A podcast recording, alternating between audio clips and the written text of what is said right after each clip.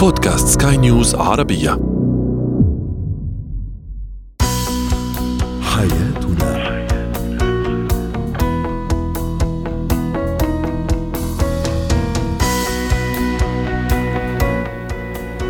مستمعينا الكرام أهلا بكم إلى إلى حياتنا فضاؤكم اليومي الذي يعنى بشؤون الأسرة وباقي الشؤون الحياتية الأخرى والذي يمكنكم الاستماع إليه عبر منصة Sky News Arabia dot com slash podcast وباقي منصات سكاي نيوز العربية الأخرى. معي أنا أمال شاب. سنتحدث اليوم عن الشريك النرجسي كيف نتعامل مع هذا النوع من الأزواج أو الزوجات؟ أيضا سنحاول أن نسلط الضوء على مدى فعالية ونجاعة بعض الوصفات الشعبية والتقليدية. عند علاج بعض الأمراض عند الأطفال. وأخيرا اتيكيت التعامل مع الجيران.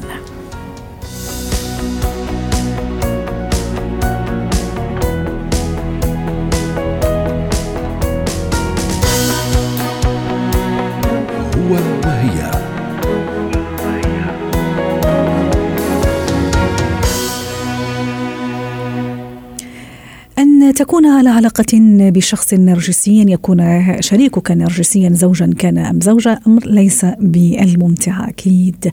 وربما الجزء الأصعب في الموضوع هو معرفة ما إذا كان الشريك نرجسيا بالفعل أم مجرد شخص لديه ثقة عالية. بالنفس للحديث عن هذا الموضوع تنضم إلينا عبر الهاتف من الكويت المستشارة الأسرية والتربوية لطيفة الرشيد يسعد أوقاتك أستاذة لطيفة. أولا من هو الشريك النرجسي؟ كيف أعرف أو كيف أتأكد من أن شريكي زوجا كان أم زوجة نرجسية الشخصية الشريك النرجسي للأسف من من أصعب التعامل يعني من من أكثر ال- ال- الأزواج تعاملا يعتبر من ضمنهم. نحكي على على زوجة وزوج أستاذة لطيفة حتى ما نركز فقط نعم. على على الزوج. نعم. أي نعم شريك كزوجة وزوج أي تماما نعم. فانت عشان آه، تتعاملين بطريقة صحية مع الشريك النرجسي أول شيء أول شيء تعرفيه بطريقة غير مباشرة إنك انت غير انت مو ملك له انت مو من ضمن ممتلكاته. انت لك استقلاليتك؟ انت لك ذاتك؟ انت لك نف- نفسك؟ انت مو عبدة له. انت لك كل شيء خاص فيك؟ اذا هو الشيء الخاص فيك هو لك أنت؟ مو أي شيء أنت تمتلكينه. أنت حقك أنت مالك أنت وهو يمتلكه. لأن الشريك النرجسي آه، يتبع نظرية إن كل الكون حقي. أو كل شيء يدور شيء- حوله. يعني هو محور أو الكون. والكون يتمحور حوله. أي نعم. تمام. ودام إن الزوجة دخلت في ملكته ك- كملكه عقد قران اذا هي ملكا له. دام إن ونفس الشيء بالنسبة للشريكة أو الزوجة النرجسية أكيد ستكون عندها نفس نفس المشكلة أليس كذلك؟ والزوج والزوجة النرجسية أنا قاعدة أتكلم على الطرفين يعني أسمعك زوج عم تقولي بس. زوج مشان هيك حتى بس نأكد لا، إنه زوج أنا- مم. للمستمعين ولحضرتك أنا قاعدة أتكلم عن مم. الاثنين زوج مم. وزوجة طيب. الزوج النرجسي أهون من الزوجة النرجسية.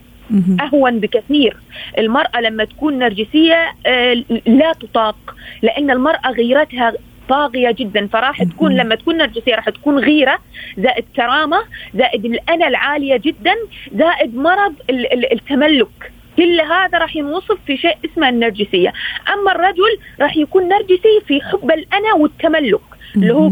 الشيء هذا مالي اذا هو مالي. انت شيء انت مالتي فلازم بطريقة وال- والرجل في التعامل أحيان كثيرة يكون كالطفل فالمرأة بذكائها تقدر تتعامل معاه بسهولة. أما المرأة ذكائها داهية. مو بسهولة الرجل يقدر يروضها مو بسهولة الرجل يقدر يقنعها. المرأة ذكائها مو بهين. فعشان كذي أنا قاعدة أقول المرأة النرجسية أصعب بكثير من طيب. الرجل النرجسي. وأيضا من بين صفات ال- النرجسية أيضا أستاذة لطيفة هي سرعة الغضب. ممكن النرجسي عنده مشكلة كبيرة في تنظيم عواطفه وسلوكه أكثر من هذا هو يرفض أي انتقاد خاصة إذا كان هذا الانتقاد يشعر بالأذى على حسبه هو طبعا. وهذه مشكلة. النرجسي. بالنسبة للغضب ينقلب شق شقين الشق الثاني عكس الثاني عكس الأول تما- تماما.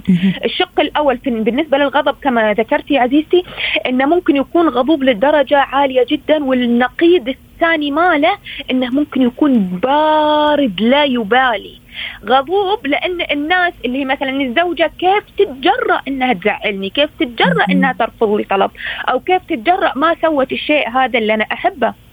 النقيض تماما ماله إن أصلا الدنيا كلها ما همتني.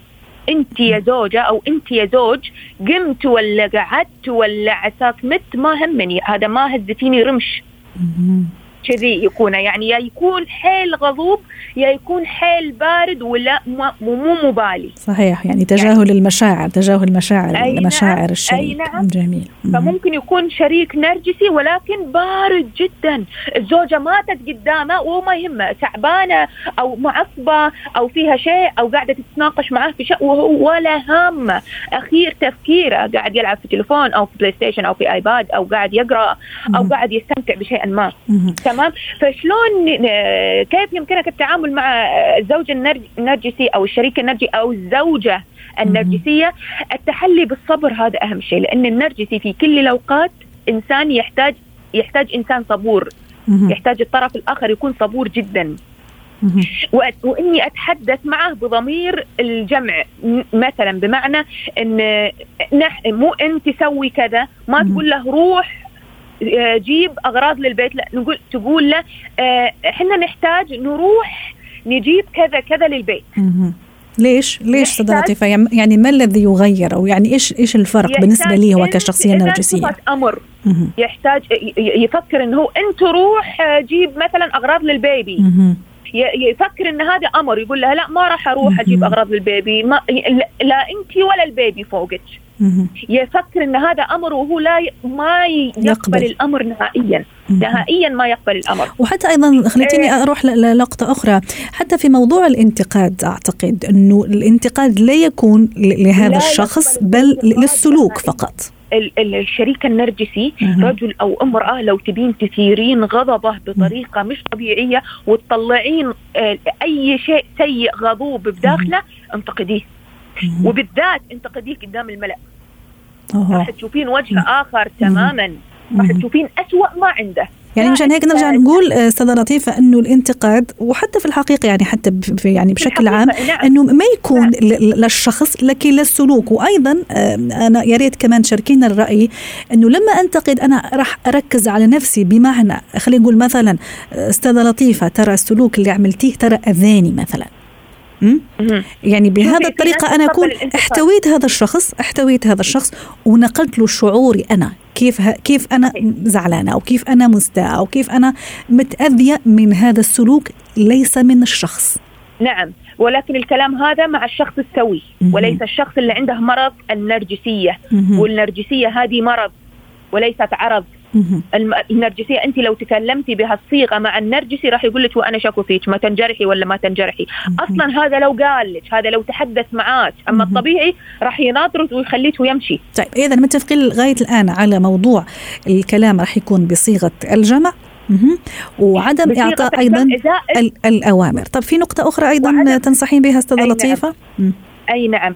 من ناحية الاهتمام الذي يغيره للأفضل. يعني اهتمام أنت مثلا تبينه النرجسي دائما مهتم بنظافته بزود بشياكته بأناقته بالماركات. اهتمي به من هالجانب ولكن بالطريقة حولي أنت كأمرأة أو حول أنت كرجل طريقة الاهتمام بالشيء اللي أنت نفسك تحبه وليس بالشيء اللي هو يحبه. يعني مثلا انت أنت كامرأة محتاجه انه يقعد في البيت فاهتمي فيه في وجوده بالبيت. إنه لما يقعد في البيت تهتمين بلبسه المنزلي تهتمين بأكله بشربه حتى بنظافته الشخصية. أنت كزوجة اهتمي بنظافة زوجك الشخصية. راح تقولين ليش هذا موال طويل راح راح نتكلم فيه تالي إن شاء الله. زائد الحديث اللي تكلمنا فيه أنا وأنت اللي هو ننصح بطريقة غير مباشرة آه، أو أو ننتقده بطريقة غير مباشرة. في السالفة هذه تتحدثون مع الشريك النرجسي بشكل غير مباشر. لا تقولي له أنت غلط في الشيء الفلاني لا تنتقدينه بطريقة غير بطريقة مباشرة. لا. اتش الشريك الزوج بالذات لأن الزوج الزوجة ممكن تتحمل في هالنقطه أن الزوج ينتقدها بطريقة مباشرة، أما الرجل النرجسي لا يقبل بتاتا إنه ينتقد بطريقة مباشرة، عشان شلون تكسبين ودة انتقديه بطريقة غير مباشرة، بطريقة مبطنة، إن شاء الله طب يعني والزوجة النرجسية أيضا؟ هون عم يتساءلوا الزملاء، مثلا إذا في زوجة نرجسية، هل في طريقة معينة حتى أحتويها أنا؟ حتى أحاول أخفف أيضا من هذا المشكلة كزوج طبعا؟ آه، اعطي آه، كزوج اعطيها اهتمام حسسها بأنوثتها. انوثتها ليست امرأة ليست إنها كونها امرأة أعطيها زوج بإن زوج بإنها تكون امرأة. لا انوثتها اضرب على الوتر الحساس في الأنوثة. شوف الشيء الجميل وقول له هذا واو هذا خطير هذا ما صار ولا استوى. عيونك تهبل عيونك تجنن. ضمها. الزوجة إحنا يا حريم عبيطين. عفوا في اللفظ. بسرعة جدا عبيطين. للأسف عبيطين كل الخير والبركة في الحريم وفي الرجال. اي نعم. بسرعة جدا نرضى. مجرد الزوج هذا أو الشريك هذا يكون نحن كنساء نحبه نرضى فيه ولو بنظرة. نرضى فيه يرضينا نظرته يرضينا لمسته ترضينا ضحكته. مو شرط اهتمام كامل من بداية للنهاية. حتى الزوجة النرجسية يرضيها ولو بشيء بسيط. بنظرة بضمة باهتمام في أنوثتها. وليس في الفعل اللي هي فعلته. في الأنوثة. الرجل العكس. الرجل اهتمي في الفعل وليس بالرجولة. واضح. شكرا لك أستاذة لطيفة الرشيدي المستشارة الأسرية والتربوية ضيفتنا من الكويت. زينة الحياة.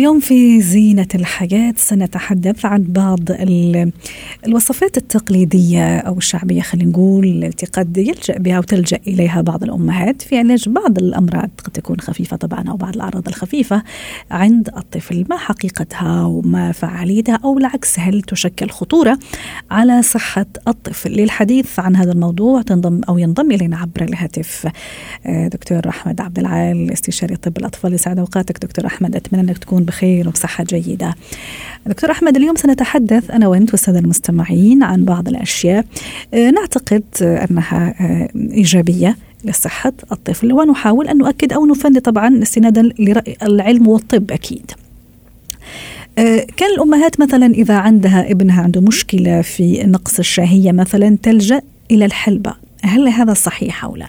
هل الحلبة يعني تزيد من شهية الطفل؟ هي كلمة معتقدات شعبية جاية من تراث أو تجارب الشعوب واللي ده طبعا تختلف من مجتمع ومن شعب لآخر يعني. وزمان كانوا يقولوا ممكن دي تزعلكم اسأل المجرب ولا تسأل طبيب. بالظبط بالظبط لا الكلمة دي هو طبعا اسأل مجرب واسأل طبيب. أها صحيح أنا معك. آه. طيب. اليوم؟ سألناك اليوم يا دكتور. تمام. الطب مر بمراحل الطب التقليدي والطب النبوي والطب الحديث ولكن ما زال حتى بعد وجود الطب الحديث الموروثات بتاعتنا محفورة. جوانا وفي جدودنا وبتورث من من أم لبنتها يعني زي ما تفضلتي موضوع الحلبة هو كل كل حاجة بالنسبة للمواد أو الأعشاب أو كل معلومة من الموروثات ليها أساس قد يكون صحيح وقد يكون خاطئ. يعني الحلبة تساعد في عملية الهضم والتخلص من السموم آه، فيها مضادات أكسدة فيها ألياف طبيعية فيها معادن زي الحديد والمغنيسيوم والبوتاسيوم B 12 آه، عشان كده ليها تأثير غير مباشر على صحة الطفل بتحسن من صحة الطفل إنما ملهاش علاقة بوزنه. أه. يعني آه يعني هي مفيدة بس ما بتزودش الوزن جميل. ما عندهاش علاقة بزيادة الشهيه عند الطفل. بالظبط. إنما ممتاز. ينصح استخدامها للكبار أكتر لأنها ملين وبتستخدم في علاج حرقان المعدة بتقلل الكوليسترول بتنظم السكر فهي مفيدة للكبار أكتر من الأطفال. طيب. ودائما الحديث عن الأطفال دكتور أحمد خلينا نروح أيضا لوصفة أخرى كانوا كثير يحكوا عليها ولسه يعني الأمهات والجدات وينصحوا فيها بناتهم خاصة حديثات العهد بالأمومة يعني. بالنسبة مثلا لمغص الأطفال أو الرضع ينصح بالكمون أو ينصح أيضا باليانسون هل هذا مفيد فعلا ولا لا يضر بالرضيع؟ آه مفيد آه بس بشروط يعني هو طبعا للمغص والانتفاخ النعناع والكراويه والكمون. إنما اليانسون والحلبة دي ملينات طبيعية يعني. كمون آه, آه والكمون للمغص. آه إنما في استخدام الأعشاب في محاذير ثابتة المفروض كل الأمهات يكونوا عارفينها وفاهمينها كويس. يعني خلينا نكون متفقين الأعشاب بصفة عامة ليس لها قيمة غذائية يعني بتستخدم كعلاج زي ما تفضلت كده. آه ممنوع استخدامها قبل الشهر الرابع وأنا بفضل انها قبل السادس ما نستخدمهاش.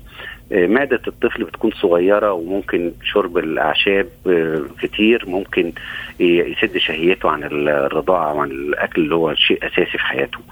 آه بلاش تكون الأعشاب دي جاية من عند العطار. يعني لضمان نظافتها المفروض إنها تكون جاية من مكان موثوق فيه. لازم تكون مغلية الأول. ممنوع إن إحنا نضيف السكر والعسل قبل عمر سنة ليها. بلاش نديها للطفل في ببرونة أو رضاعة لأن زي ما أنت عارفة رضاعة ال- ال- البيبي من الرضاعة. من سهلة من الببرونة سهلة وبتيجي في بقه بسهولة إنما رضاعته من الأم بتاخد مجهود. فبعد شوية الطفل بيتعود على الببرونة ويرفض ال- ال- ال- الرضاعة الطبيعية. الكمية لازم من 30 ل 60 سم على الأكثر ومرة واحدة يعني في الحالة كيف تعطي له آه. يعني ب- ب- بملعقة مثلا ولا لا بسرنجة ممكن أها. بسرنجة يتشال سنها وتتحط نقطة تنقيط كده. فوق الطفل وهذا مش قبل ست اشهر دكتور يعني طبيا آه، فضلاً وعلميا كل الله. الأعشاب جميل تمام. آه، دكتور أحمد أيضا في آه، من من بين الأشياء التي كانوا يوصفوها الأمهات والجدات خاصة لما الطفل يعني يبتدي يسنن يعني اللثه أكيد حضرتك تعرف وسيد العارفين انه آه، تكون طبعاً. متورمة والابن دائما أو الطفل مزعوج ومش قادر ياكل فينصح تنصح الأمهات والجدات إنه آه، بقطعة سكر مثلا تجي وتحاول تضغط على منطقه اللثه اعتقادا منها إنه راح تريح ال- الولد وممكن تخلي السن يطلع بسهولة. إيش رأيك؟ ده غير صحيح لأن ال ال السكر اولا اللثه بتكون محتقنة أثناء ال- التسنين والسكر حبيبات يعني مش شيء مريح. فالضغط على ال- الأماكن دي بتزود الألم بتعمل ألم آه، ألم شديد عند الطفل بالعكس ده بينصح بتبريد منطقة ال- الأسنان المحتقنة. سواء مثلا بقطعة قماش أو تشو تكون تكون مثلا آه، محطوط في ماء ساقعه آه،. كمان وصفة تانية ال- البابونج البابونج ده ممكن يتحط في مكعبات في الفريزر ويطلع من ال- الفريزر يتحط على اللثة والطفل يعض عليه كمكعبات طرية كده هي بت بتريح اللثة جدا وزيت زيتون آه، دكتور أحمد في البعض أيضا طبعاً. يحط مثلا في tissue أو يعني شاش صغير زيت زيتون آه. وممكن حتى بإصبعها أيضا تمرر على اللثه هل هذه ينصح بها ولا لا؟ آه زيت الزيتون مفيد جدا في في كل الأعمار وفي جميل. أمراض كتيرة جدا. ولازم الأكل كمان يكون آه، طري وبارد في. الفترة دي. جميل. آه، آه، أيضا في في البعض يعتقد إنه الحمام الطفل في الليل يعني نعطيه شاور مثلا إنه لا ينصح فيه لأنه ممكن يأخذ برد إنه الوقت مش مناسب. آه، في اعتقادات أيضا إنه لا يعني يفضل إنه قبل مثلا قبل المساء قبل حلول الليل أو الظلام إذا صح التعبير. إيش رأيك؟ آه لا رايي برضه انها المعلومة غير صحيحة لأن بالعكس ده هو يفضل استحمام الطفل بالليل ولكن بشروط هو فعلا طبعا ممكن ياخد برد وممكن كل المحاذير دي تحصل. إنما لازم تكون ال- ال- الأم تنتبه لدرجة حرارة الغرفة ودرجة حرارة ال- المية. والاحتياطات اللي أنا يعني اتكلمنا عليها في حلقة قبل كده مع. معاك يا أمال فبالتالي إن الطفل بيكون محتاج لل- للحمام ده قبل ال- النوم هينام براحة وبهدوء. وبصورة أفضل يعني. مم. في في نقطة أخرى أستاذ أحمد حابب تشير لها؟ آه، طبعا آه، آه، في آه، في حاجات زي مثلا يعني الكلام عن زيت الزيتون كملين وعلاج للإمساك. ومساج البطن للغازات ومساج لالام ال- الظهر. العرق سوس ده يعتبر من الحاجات الكورتيزون الطبيعي للطفل مهم جدا. ولكن برضه في بعض الأمراض يجب تجنبه زي الضغط. والسكر وال- وأمراض القلب آه، موضوع ال- يعني أنا بصراحه بحييك على اختيار الموضوع موضوع ال- ال- الأعشاب أو المعتقدات الشعبية آه، لأن الموضوع ده كبير جدا و- ولو مسكنا كل بند فيه. آه، يعني الحديث عليه شيق ولن يتوقف يعني. شكرا لك دكتور أحمد عبد العال استشاري طب الأطفال ضيفنا من أبو ظبي اتكات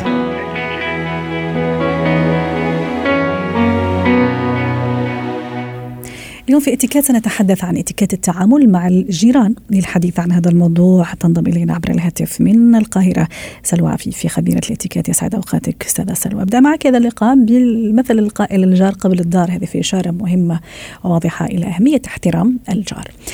آه، ما هي إتيكيت وقواعد واداب التعامل مع الجار؟ طبعا أنا متفقة معك 100% أنه الجار قبل الدار فعلا وأحيانا الناس يمكن تترك المكان بسبب الجيرة السيئة. أو يعني غير الموفقة. طبعا هناك آداب مثل أي شيء في الحياة له آداب وله سلوكيات وله إتيكيت.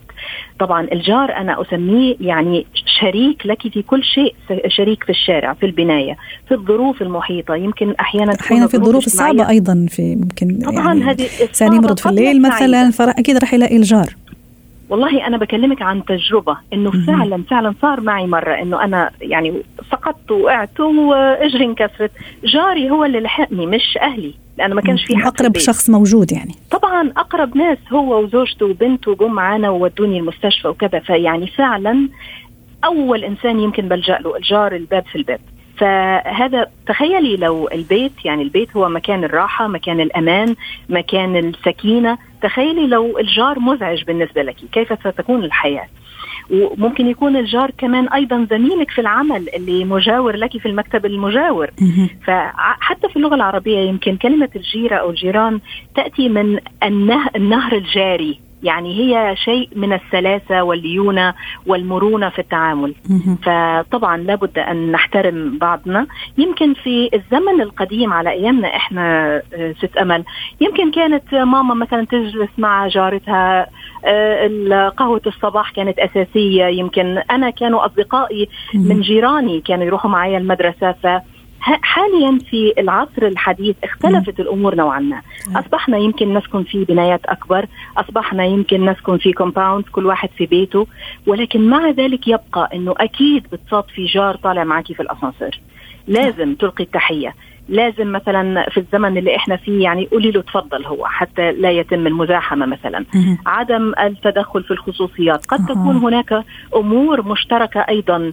آه، يمكن صيانة العمارة مثلا. لابد أن نتعاون. آه، لابد انه أنا إذا دقيت الباب على جاري يرحب بي ونفس الشيء أنا أرحب به آه، إذا في مشاركة حلوة في مناسبات نعايد عليهم. هم أقرب الناس إلينا. ومع ذلك أيضا آه، لا يعني لا نتبع مثلا النميمه إنه هذه الجارة لا تحب تلك الجارة مثلا. أن أساعدها في ذلك بالعكس لازم أنا أكون آه، ما لا ارضاه عن نفسي لا ارضاه للآخرين آه،. وهكذا.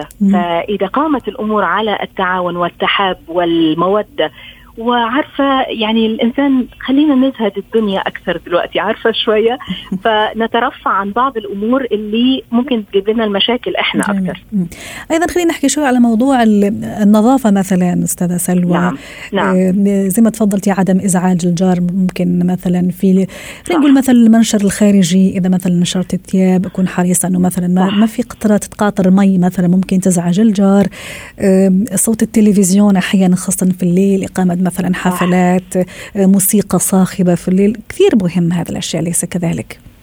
صح جدا. بالنسبة لمثلا غسل الملابس يعني نشر الملابس. إذا كنا لازلنا ننشر في مثلا البلكونة ال- الخلفية أو كذا لابد أن أتأكد أنظر تحت. إذا كان هناك مثلا حد حاطط غسيل مثلا أو كذا لابد أن أبلغه أو أنتظر. أو أحط المنشر داخلي مثلا أو أنتظر. لابد أن أبدي الغير على مصلحتي أنا. هذا هو يعني من القواعد الأساسية في أيضا آه، إلقاء القمامة مثلا. لابد أها. يكون هناك مكان مخصص آه، ربما يكون سلم خارجي مثلا أو خلفي آه، لا أضعها يعني أنا دائما أقول خلينا نبتعد عن مبدأ أنا ومن بعدي الطوفان عارفة اللي هو صح. يعني أنا خلاص أنظف حد. بيتي وما ما دخلني في الجار الثاني أن في الأماكن المشتركة اللي هي مثلا الكوريدور الأسانسير الباركينج مثلا في أماكن أنا أتشارك طبعاً. فيها مع كل الجيران ففعلا من الأداب واللباقة أني أكيد أكون حريصة على على نظافتها ما فيش شك مهم. أستاذة سلوى أيضا موضوع مثلا في بعض الناس أو الجيران يعني خاصة إذا كانوا في بناية هذا شوية مزعج الأمر مثلا يربوا حيوانات أليفة خلينا نقول مثلا نعم. قطط. كلاب وأنت بكرامة مثلا آه، موضوع مثلا النباح آه، في كل وقت أو أصوات حيوانات مزعجة ممكن تخليها أيضا في الشرفة ممكن في الكوليدور أيضا. هذا أتصور من اللباقة أني أعمل حساب هالأشياء. أكيد 100% أنت عارفة حاليا أصبح هناك قوانين في بعض العمارات عدم اصطحاب البيتس أو. الحيوانات الأليفة. في بعضها يعني ينص على صح. هذا الشيء لأنه فعلا ما ما تحبينه حضرتك مثلا ممكن أنا لا أحبه. وفعلا هذا النباح وهذا الإزعاج يسبب يمكن إزعاج فعلا للآخرين لابد من مراعاة ذلك. فحتى حتى إنه يعني إذا استشعرت آه، يمكن إنه جاري ينزعج لابد أن يعني أجد حل لهذا الموضوع لا لا أترك الأمور يعني كما يحلو لي مثلا. فلا بد أن أراعي ذلك. فكل هذه الأشياء يعني يمكن تحسن العلاقات لأنه أكيد في يوم من الأيام سأحتاج له. أو حتى بالسيرة الطيبة يمكن تركت المكان. صحيح. يعني لابد أن الإنسان يترك أثر يترك سيرة طيبة مع أقرب الناس لأنهم عشرة عمر. صحيح. صحيح. يعني وفي ناس يعني ظلوا مثلا حتى تفرقوا بعد فترة لكن بيضلوا مثلا يسألوا على بعض ويتزاوروا مع بعض لأنه فعلا كانوا جيران يعني أكيد. أكثر من من الأقارب. شكرا لك أستاذة سلوى عفيفي خبيرة الاتيكا ضيفتنا من القاهرة ساعتين اليوم. شكرا.